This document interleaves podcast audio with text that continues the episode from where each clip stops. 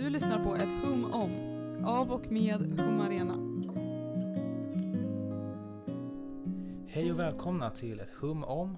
Jag heter Jalmar och med mig idag har jag Karin och Adelaida Caballero. Idag är vi på en ny plats. Eh, var är vi någonstans Karin? Idag är vi på Uppsala universitet, så äntligen vidgar vi våra vyer lite. Eller Ja. äntligen, men ja, för innan har vi ju mest bara varit i Stockholm. Precis. Faktiskt. Eh, och vi har precis varit på en avhandlingsspikning med dig, Adelaida. Kan du berätta lite om vad, vad innebär det att spika sin avhandling? Så som jag förstår det, eh, det är en eh, gammal eh, luthersk tradition. Mhm. Där när man blir klar med sin avhandling, eh, doktorsavhandling, eh, så tar man den och publicerar den symboliskt. Eh, genom att bokstavligen spika den eh, i universitetshuset. Ja. Och det betyder att eh, den blir... Alltså nu kan alla läsa den. Mm, mm. Nu kan alla läsa den, den är publicerad online eh, på Diva. Eh, full text valde jag. Och man gör det så att avhandlingen är tillgänglig för folk, så att folket kan läsa den eh, innan disputationen. Mm. Ja, för du stod ju där verkligen literally med en hammare Yes. och spikade upp den på väggen. En sån här Ja. riktigt gammaldags stor eh, spik. Liksom, som Den en fick jag ja. som, eh, som ett minne. Ja. Ja, men uh, spiken som man använder för att uh, spika avhandlingen, Ja. det är en vanlig spik. Ja, ja, Ja. okej, okej. Mm, mm. ja, men det var väldigt eh, kul att se. Ja. För att eh, jag visste faktiskt inte att det var en så konkret. Jag, jag tänkte att det var ett uttryck för något annat när jag Nej, först nej, om att spika en avhandling. Men det, det är en bokstavlig handling. Ja. Man spikar upp sin, Ja. Yes. eh, sin bok där. Eh, så det var väldigt kul för oss att få komma på Och det. få uppleva det. Ja. Ja, och du har haft en väldigt eh, hektisk dag idag kan man säga. Och Yes. avsluta med det här som eh, grädde på moset. Ja, men det, jag är jättetacksam att Ja. eh, ni är här och att jag får eh, prata lite om min forskning. Mm. Ja. Vi är jätteglada att ha dig här. Att Mm. du orkade ta dig tid till oss också. Trots allt du har att göra. Ja. Vi kanske kan hoppa till den frågan direkt Ja. när vi ändå är inne på det. Eh, Om du vill berätta lite vad, vad forskar du om och, och vad handlar din avhandling om som, som du precis har spikat fast på väggen? Eh, ja, jag kan säga att jag är kulturantropolog. Mm. Jag har utbildat mig som kulturantropolog. Ehm, min avhandling är alltså en antropologisk forskning av ehm, hur det är att åldras som kvinna i ett litet land i Västafrika som heter Ekvatoriell Guinea. Mm. Och eftersom eh, kvinnorna som jag jobbade med är över 60 års ålder så eh, faller min forskning inom det som kallas för humanistisk gerontologi. Alltså den humanistiska eh, forskande om äldre människor. Fast jag gör det på ett eh, liksom, kulturellt perspektiv. Ja, jättespännande verkligen. Ja. Hur kom det sig att du valde just det ämnet? Eller att doktorera överhuvudtaget? hur kommer man in på den Nej, men det, är, banan gan- det är liksom? en ganska rolig historia och Ja. det har lite av uh, samhällskritik också. Ja, ja höra. Eh, i det. Nej, men det som hände var att jag kom till Sverige som invandrare 2008 Mhm. och då hade jag en pojkvän, svensk pojkvän. Ehm, I Mexiko hade jag läst tre utav fem år av litteratur och språk. Och jag var också publicerad poet, så jag ville gärna fortsätta med att studera och forska kring litteratur. Ja. Men när jag flyttade till Sverige för att bo ihop med min dåvarande pojkvän ehm, fick jag uppleva mångfald för första gången i mitt liv. Alltså staden i Mexiko som jag kommer ifrån, en jättestor stad. Och ehm, vi ser alla likadana ut. Ja. Alltså vi är alla mestizos. Ja. Vi, vi är alla lite bruna och Ja. några kan vara lite vitare men vi, alltså, det är väldigt kulturellt homogen. Just det. Ehm, och när jag flyttade till Sverige, jag skojar inte, det var första gången, alltså jag var typ 21, 21 år Mm. då. Då sa jag en svart kille för första gången. Aha. Då sa jag en kvinna med hijab för första gången. Och när jag började läsa SFI brukade jag tänka, nej men hur är det så att vi kan inte riktigt kommunicera med varandra för vi pratar alla olika språk och vi har inte lärt oss svenska än. Men ändå är vi väldigt bra på att samarbeta. Mm.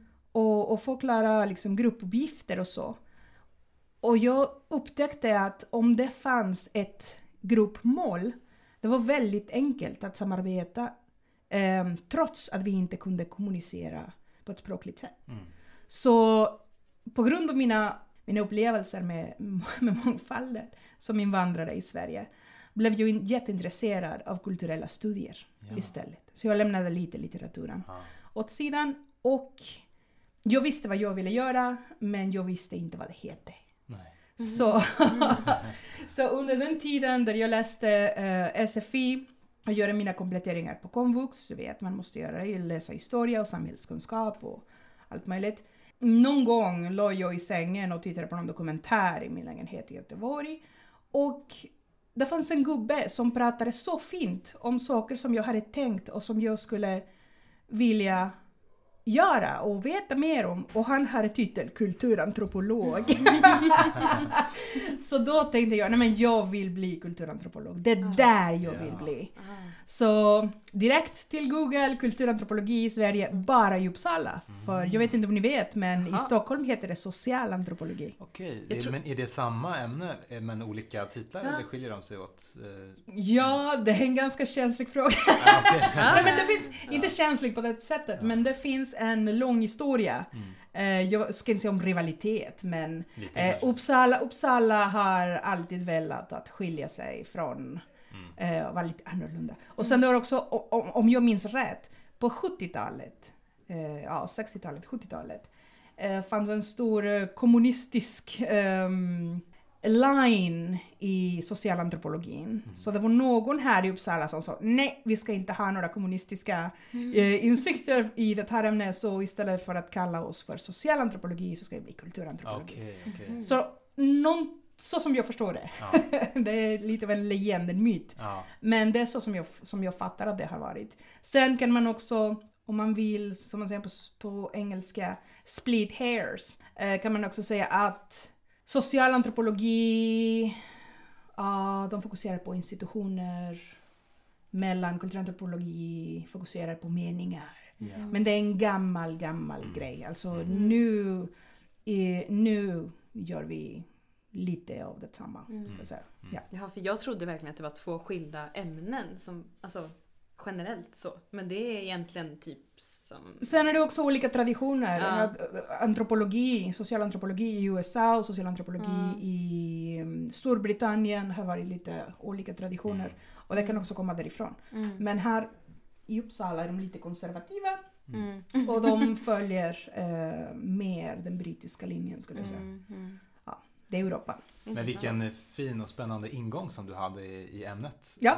Eh, verkligen. För det känns som många eh, bara nästan halkar in på någonting. Man börjar plugga någonting och så oj nu Mm. råkade jag. Det här var lite kul, testa det. Men du hade verkligen en, ett tydligt mål från början. Där, där Yes, ska jag bli. yes. Och det här är ganska mycket med mig själv att göra. Ja. Vet ni, när jag fick läsa en kurs, så som doktorand nu, eh, jag fick läsa den där um, högskolepedagogiska kursen. De frågade oss, vad är det som är speciellt med, med utbildningen eh, på högskolan? Mm. Och jag tänkte direkt, alltså med grund på mina egna erfarenheter, det transformativa, Mm. det transformative. Mhm. Alltså man blir verkligen en ny människa. Man lär sig så mycket om sig själv.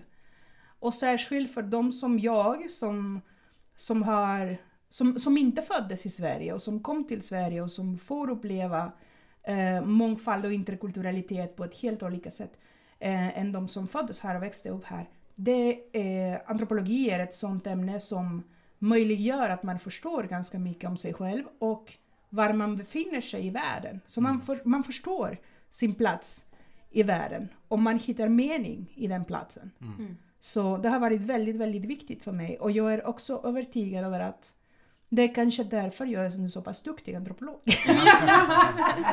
så, Ja. så för jag... eh, Självklart att Jag har hört. kanske är- Ja, Ja, jättefint. säkert, ja. Verkligen inställning till. jag har hört. Ja. För antropologi, om man går ännu mer eh, till liksom the basics. Det, det är studiet om människan, eller hur brukar man Läran om människan. läran om Mm. människan? Eh, och kulturantropologi, om man ska ge en, finns det någon liksom kort kärnfull beskrivning av vad det är exakt. Att studera människor på ett kulturellt perspektiv. Ja, Precis, det är och det är lite som definitionen när man tittar på vad är humaniora? Är inte det lite samma? Människan som en kulturell varelse, typ. just det. Ja. Så det är ju väldigt mycket humaniora, Ja. kan man säga. Mm. Sen är antropologin speciellt, och jag, jag, jag har sett den ibland bland mina studenter. Eh, De som har en icke-svensk bakgrund, de lär sig så mycket om sig själva, de förstår världen på ett annat sätt. Och det som pågår ute i samhället eftersom när man läser till antropologi, oavsett där man föddes, eh, så blir man, man lär sig att röra sig i mitten, i det liminala, eh, mitten i- olika kulturer. Om jag minns rätt så var det någon antropolog som heter Vincent Crapanzano som på 1990-talet skrev någonting som heter, som hade någonting med Hermes att göra och hermeneutiken och alltså hur man är, som antropolog är faktiskt en kulturell tolk. Mm. Så man tolkar olika kulturer utifrån vissa teoretiska ramar. Eh, Men det är det man gör egentligen, man rör sig mitt emellan. Och det är, det, som, det är precis det som oss invandrare befinner oss hela tiden. Mm. Så, så ja, det är någonting man lär sig, men det är också någonting som man kan utveckla Mm. eh, utifrån sina egna upplevelser. Och självklart, man behöver också liksom, eh, pay attention Mm. eh, och tänka på det, reflektera aktivt. Men ja, Det skulle ju vara någonting som alla behövde göra egentligen. ja nej, men det var det människor. som jag tänkte. När Ja. jag läste kulturantropologi A Mm. så tänkte jag alla barnen i skolan borde veta det här. Mm. Att verkligheten är socialt konstruerad. Ja. Att visst, det finns kulturella grejer, kulturella objekt, men det finns också sociala fakta. Alltså väldigt, väldigt basic stuff som skulle verkligen lösa så många konflikter som finns i världen just Mm. nu. Mm. Ehm, så ja, absolut. Det är någonting som alla borde Mm. Känna till. Ja, det är konstigt att det först är på universitetsnivå som man... Ja, Precis, det är jättekonstigt. Det är kanske. jättekonstigt. Medve- alltså att, att få utbilda sig för att bli medveten av hur det är med andra och hur det är med eh, sig själv eh, vad det gäller kultur och samhälle, det är jätteviktigt. Mm. Och unfortunately tror jag inte det tas upp just nu i, i svenska skolor. Nej, Nej. nej. Och det är intressant just att man är ju på ett sätt sitt eget studieobjekt då eftersom man, Yes, Mm. man reflekterar är ganska en mycket. egen människa. Vi har en fråga här också som vi får fråga dig om vi har förstått det rätt men ibland hör man att liksom antropologi ha- har en problematisk historia också. Yes, Man tänker lite på kolonialism. Eh, Precis, Mm. brittiska gubbar i, såna här eh, Ja, ja, hattar. ja, vad, vad ja. heter det? Tropikhattar. det man ser framför Ja. sig. som- Ja, men Ja. Eh, absolut. Eller hur? Vad har hänt där och hur har det utvecklats från det? Eller vad har du att säga om det? Ja. Alltså, jag brukar säga till mina studenter att det är jättefint att läsa klassikerna. Mm. Att bli bekanta med det som de här eh, vita gam- gamla respektabla Mm. eh, gubbar har skrivit och hur de har tänkt. Eh, Men man måste också liksom sätta dem i, i ett visst sammanhang. Mm. Eh, och det, du har helt rätt när du säger att antropologin eh, har en eh, ganska problematisk historia. Idag finns det platser, till exempel i USA, Mm. där man använder antropologisk kunskap för att göra ont Mm. mot andra människor, för att skapa tortyrtekniker och Mm. för att, eh, ja, Okej, ja. i, i, i militära områden och så. Ja. Så det finns fortfarande. Mm. Det är inte så etiskt, men det görs. Ehm, och vad det gäller just historia kan jag säga att eh, självklart, eh, de tidigaste antropologerna eh, samarbetade med koloniala makter och väldigt, väldigt, väldigt ofta så legitimerade de där tidigare antropologer det som kallas för the customary, Mm. det traditionella i vissa exotiska samhällen. Ja.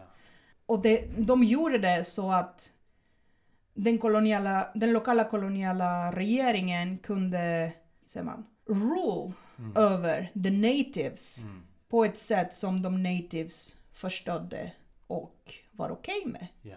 Mm. Så det var kol- de koloniala makterna tillsammans med the traditional chiefs Mm. Mm. som kom ihop och under the rule of the customary så skapades nya traditioner som är ganska, eh, för att uttrycka det lätt, ehm, de är ganska svåra, Ja. eh, särskilt för kvinnor Ja. och för män som inte har någon status Ja. och inga pengar.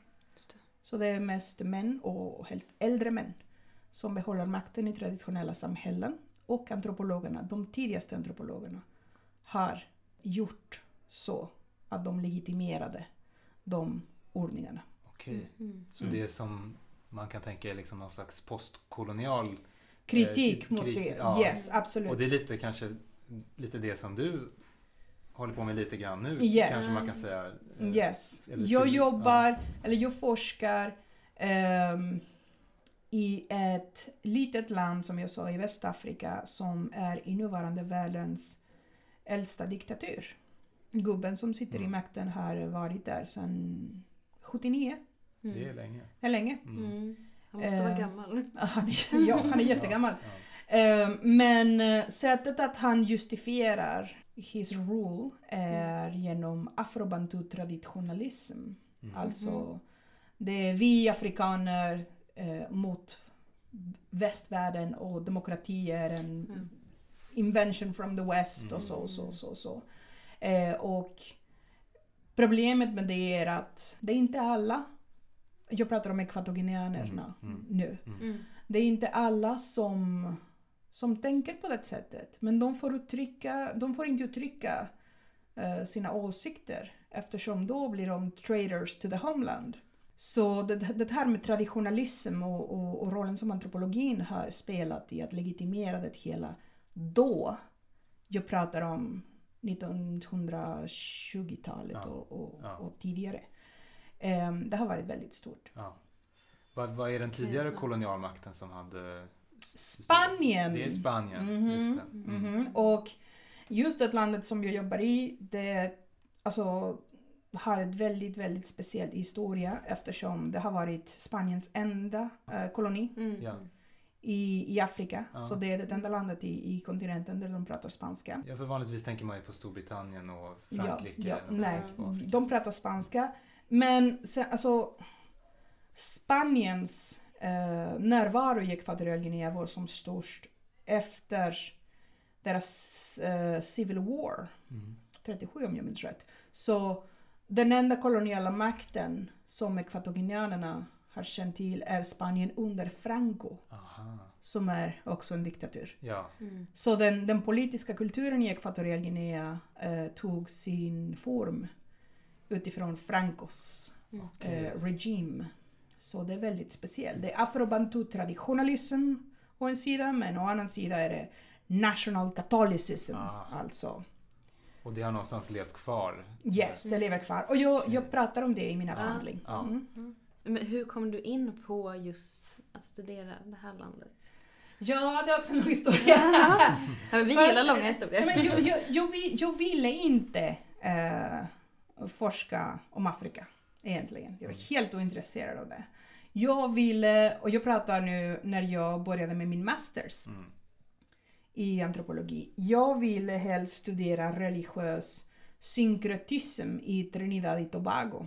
Alltså olika eh, religiösa och- eller ja, tron, hur de blandades och skapade Mm. nya Mm. eh, sätt att uttrycka religiositet. Det låter jättespännande också. Det var jättespännande och jag ville göra det. Absolut, det var det som jag ville göra. Men jag har inga pengar. Så jag, jag var beroende av eh, stipendier för att kunna fältarbeta. Mm. Ehm, och det, det fanns stipendier på Sida. Sida hade Mm. eh, tillgängliga, om jag minns rätt, tio stycken stipendier. Men Trinidad och Tobago fanns inte i deras lista av Mm. länder som de var intresserade av att Mm.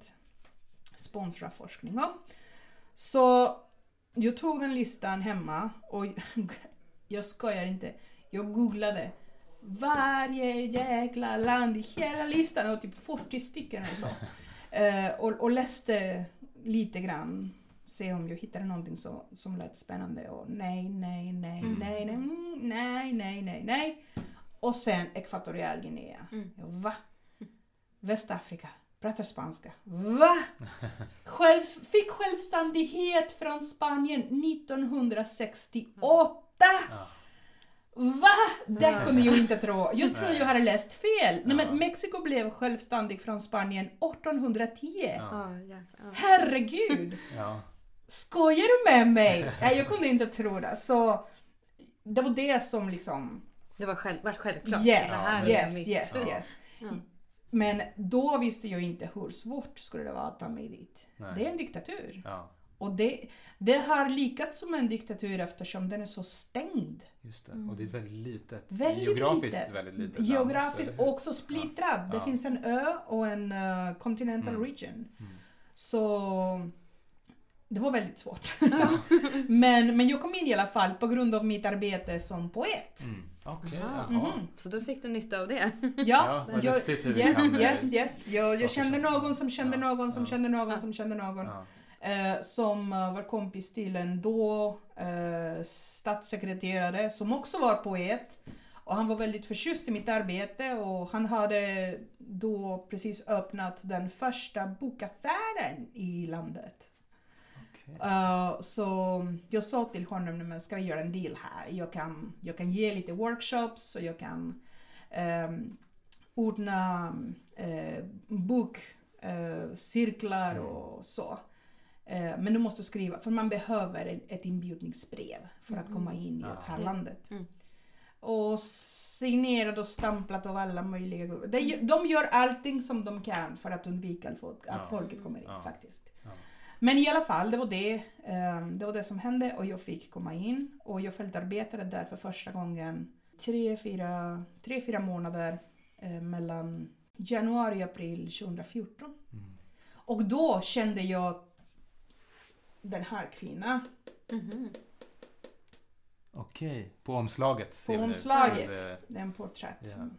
Hon är, hon var då när vi träffades, en äldre dam Mm.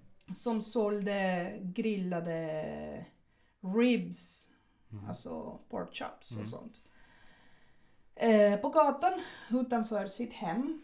Eh, och jag brukade köpa mat där hos henne nästan varje dag. För jag har inget kök hemma då, där jag bodde. Och vi blev vänner. Så det var, det var hon som, som, som gjorde att jag blev intresserad av de här äldre kvinnorna som jobbar med gatuhandel. Så mm, när jag kom tillbaka och skrev klart min masters, min mastersuppsats och det gick jättebra och så hade jag möjlighet att söka till en doktorandtjänst. Eh, då visste jag vad jag ville jobba med. Eh, och det var just med äldre kvinnliga gatusäljare, hur det är att åldras som kvinna. Det kanske är svårt att summera väldigt kort, men liksom vad, vad skulle du säga är dina viktigaste slutsatser i din avhandling? Hur, hur, Ja, hur är det att eh, jobba som gatuförsäljare Ja. som kvinna? i Nej men det, det här samhället. ehm, det är ett afrikanskt samhälle. Mm. Och man kan tänka sig, och många ekvatorianer faktiskt tänker att det är traditionen som gäller. Det som de förstår som tradition. Mm. Vilket är också väldigt mm, lös. Mm. För det är män som bestämmer vad traditionen är.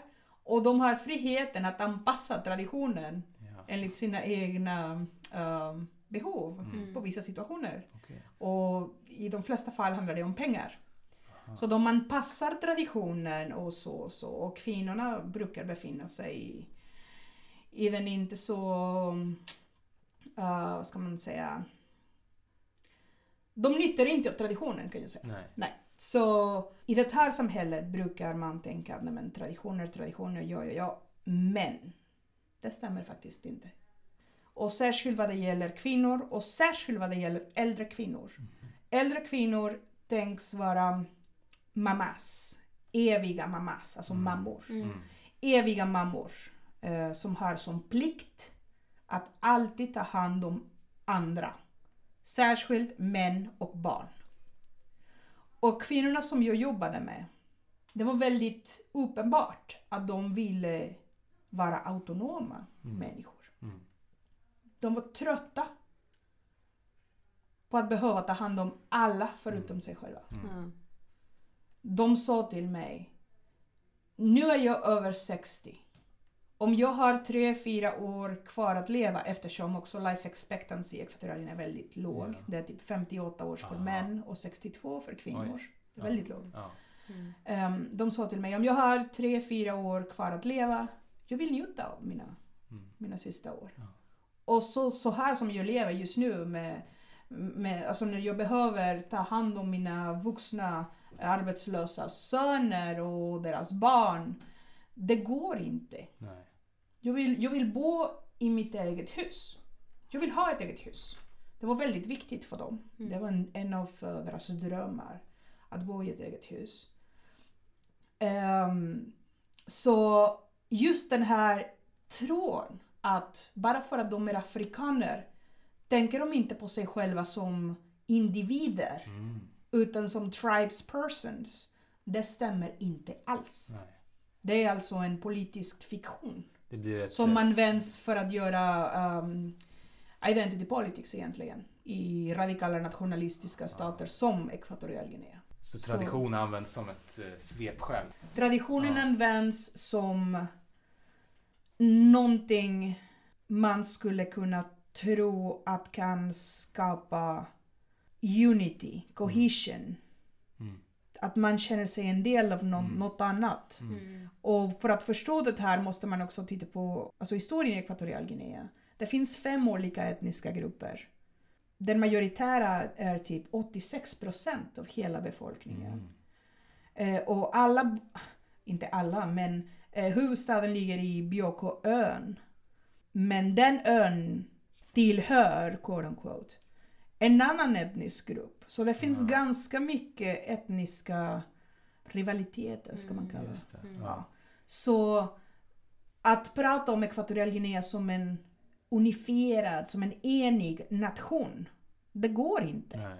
Men de försöker, eh, regeringen, den här Ja. gubben som har suttit där Mm. länge, Mm. att skapa någon känsla av nationell enighet med, med grund på med tradition. Det är utifrån Mm. en av de etniska Yes. gruppernas Ja, ja, traditioner. ja, ja. Det är en, en Mm. eh, väldigt liten elitgrupp Ja, som till, tillhör en ja, etnisk grupp, the Fang ja. ethnic group. Okej, som... Det är de som har ja, makten. Okej. Men bara en liten del, inte, hela, inte alla Fang-människor har Nej. makt i Ekvatorialguinea. Men är det ett vanligt liksom, Mm. sånt postkolonialt problem? Det tycker Yes. jag mig känner just att den koloniala makten någonstans väljer ut. Sätter Den ja, största gruppen dåliga kanske, gränser eller? och Ja. ja, ja. Ja, nej men Ja. absolut, absolut. Men eftersom landet har olja, det är en av de rikaste länder i världen om man Aha. tänker på GDP och så. Okej, det hade jag ingen aning om faktiskt. Ja, de är väldigt rika. Men eh, det finns väldigt, väldigt stora klasskillnader. Ja. Mm. All makt och alla pengar är under kontroll av den här liten elit av fangmänniskor. En familj Ja. och deras kompisar och, och så. Och hela staten är strukturerad på ett sätt där eh, Ja, ni kommer att läsa. ja, det ser vi fram emot. Ja, jag Ja. rekommenderar att de Ja. som lyssnar om de, om, om Ja. de blir nyfikna. Eh, Ja. avhandlingen är publicerad online. Så. Mm. Ja, det kan vi tipsa om. Läs, läs Ja. avhandlingen. Det, det ska vi på. också göra. Mm. Ja, verkligen. Vi, jag tänkte fråga också, apropå det, känner folk till här, alltså i Ekvatorialguinea, att du har skrivit den här avhandlingen? Yes. Vet du hur, det, hur den mottas eh, där? Mm. Det beror på hur du frågar. Ja. Det beror på Ja. vem du frågar. Ja, Nej men kvinnorna är väldigt nöjda. ja. Eh, och under hela eh, skrivprocessen Mm. så var jag väldigt nog med att eh, reach out och fråga mina kollegor och kompisar och bekanta ekvatorianer. Mm. Jag har till och med översatt en eller två kapitlar bara så att de kunde läsa Mm. och ge mig feedback. Ja. Så den är väldigt den är välgrundad så att säga. Mm. Och om du frågar alla som inte tillhör, tillhör the ruling party, PDG, eh, de skulle absolut säga att nej, men det här stämmer. Ja. Det är Ja. så som det är. Ja. Men självklart, om du, om, om, om du pratar med någon som har viss politisk ställning, narrativen kommer att vara men hon är en vit tjej som inte kan någonting Ja. och som bara kommer och ger, ehm, pratar illa Ja. om Ekvatorialguinea. Mm. Okej. Det, det, det är retoriken, man, Ja. man pratar illa, man smutsar ner Mm. namnet på landet. Det är Ja. så de säger. Ja, okej. De vill inte ta emot det liksom. Nej, och, och det, det finns en orsak varför. De är väldigt känsliga mot kritiker. Och det har med statens sårbarhet att göra. Staten, alltså det, makten har varit centraliserad i det här landet sedan 1968, direkt efter eh, Mm. självständighet. Eh, med första presidenten som var, som var eh, en släkting till gubben som sitter nu i makten. Okej. Så makten har varit centraliserad. Det har funnits massor med olika coup-försök, coup d'état-försök. Mm. Hela statsapparaten är liksom byggd på klientelism, alltså förhållanden av um, beroende på olika, olika slags beroende. Ja. Ehm, och sen, och sen det, finns det mycket pengar. Mm. Så Ja. alla vill liksom ta makten. Ja. Och, och, och staten i sig själv, staten i sig är väldigt, väldigt sårbar. Mm. Den är väldigt känslig. Det är därför de kan inte ta eh, kritiker. Nej. Och resultaten blir förtryck. För då kan inte folket prata, då, de kan Mm. inte göra någonting. Mm. Eh, så ja, Därför känns det ändå extra viktigt att du har skrivit den här avhandlingen kan man ju tänka. Verkligen. Också. tack. Ja, du bidrar ju verkligen till... Ja, det är en väldigt understudied Ja. land Ja. kan jag säga Ja, också. jag visste nästan det ingenting fanns. om det faktiskt. Knappt att det fanns. Ja, nej, men det jag igen namnet. Det, men- det som händer ja. är att eh, amerikanerna blev eh, intresserade av Ekvatoriell Guinea bara efter de hittade oljan Mm. på mitten av Mm. 90-talet. Ja. Eh, och tills dess har eh, spanjorerna haft säger man, the monopoly Mm. av forskning i landet. Så allt som har skrivit och forskat i landet har mer eller mindre gjorts av spanjorer på spanska. Jag ska inte, jag ska inte prata illa om, om mina spanska kollegor men eh, de har också fortfarande en ganska kolonial sätt att Mm. engagera eh, temor som har med Ekvatoriell Guinea att göra. Okej, okej. De fokuserar ganska mycket på det etniska Ja. och, och fo- det folkliga, alltså folklore och et- etnicitet och allt det här. Medan jag har fokuserat helt på det urbana. Ja. Hur man lever på stan, på gatan och hur de olika etniska grupper interagerar. Eh, och hur det är att åldras som kvinna oavsett etnicitet. Mm. Mm. Så the boobies till exempel, de som, de som är, de är urbefolkningen från Björkåön, de säger att vi är matrilineella. Eh, kvinnorna i den här etnisk, etniska grupp har det mycket bättre än de fan som är patrilineella och Mm. polyinister. Alltså de får gifta sig med olika Mm, kvinnor. okej. Men sen kommer liksom booby-feminister och säger nej, det här är skitsnack. Vi har alla, alltså vi har lika dåliga. Ja, ja. Mm. Det är dåligt för alla kvinnorna där. Och det är också någonting som, som jag försöker skriva. Du Mm. tar ett, en större... Yes. än Jag, jag, jag, etnicitet. jag tillåter inte etnicitet eh, hindra mig vad det gäller Nej. just. Det dök upp ett begrepp när jag läste din eh, abstract tror jag till den här forskningen som jag inte har hört förut. Där du skrev tredje ålderns sexualitet. Yes. Det blev jag nyfiken på. Mm. Det, det kanske är ett välkänt begrepp inom kulturantropologi men, jag hade aldrig hört den, om det förut. Jag bara tänkte Ja, fråga, vad, vad betyder det?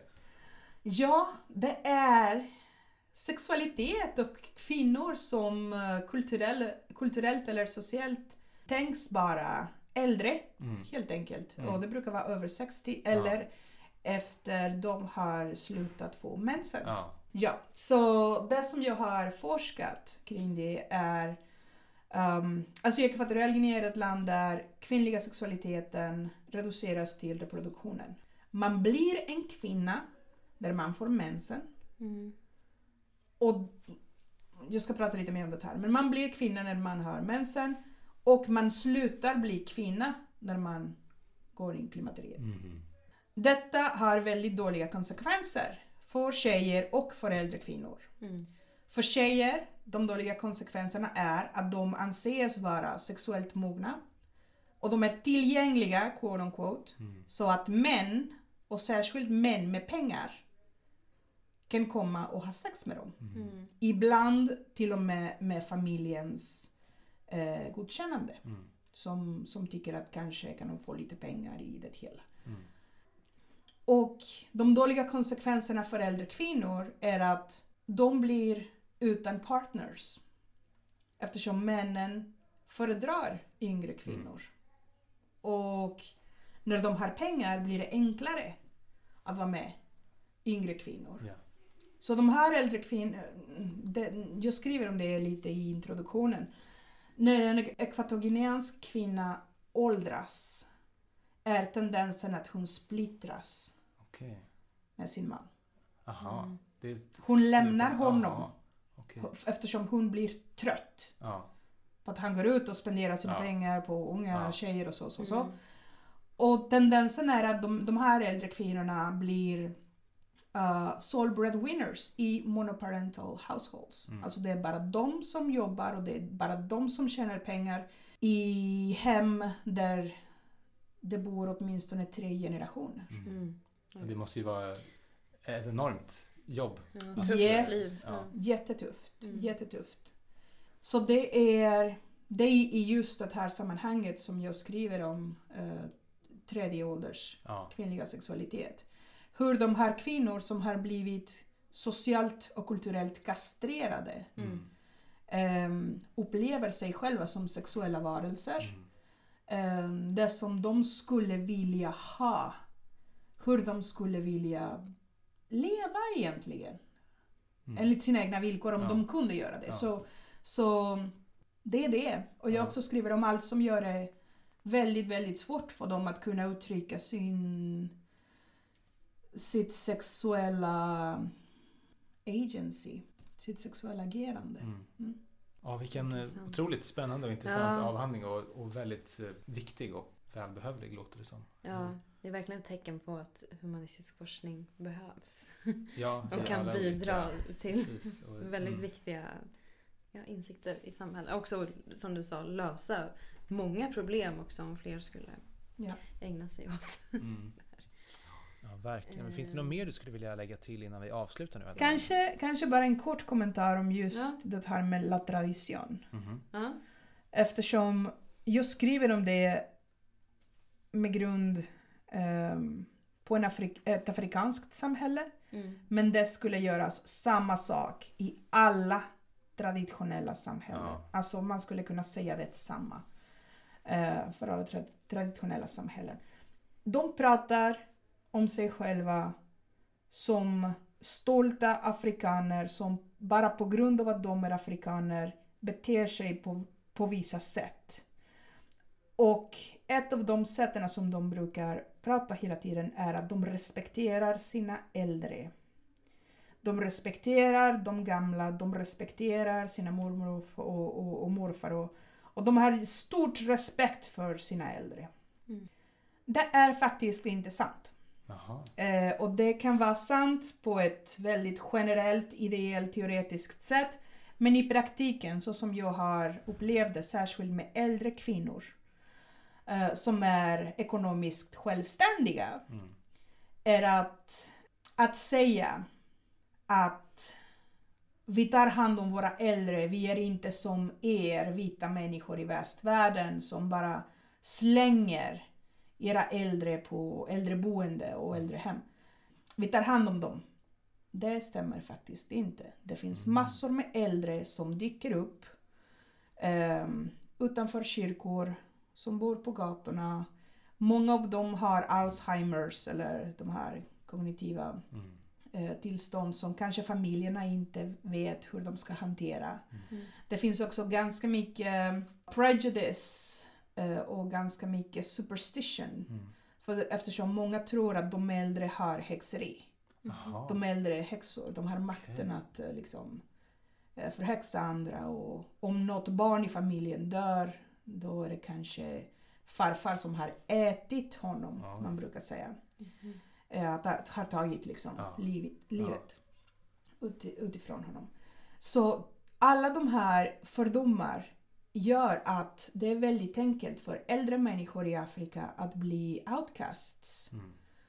Och som sagt, de dyker upp på kyrkan och på gatorna.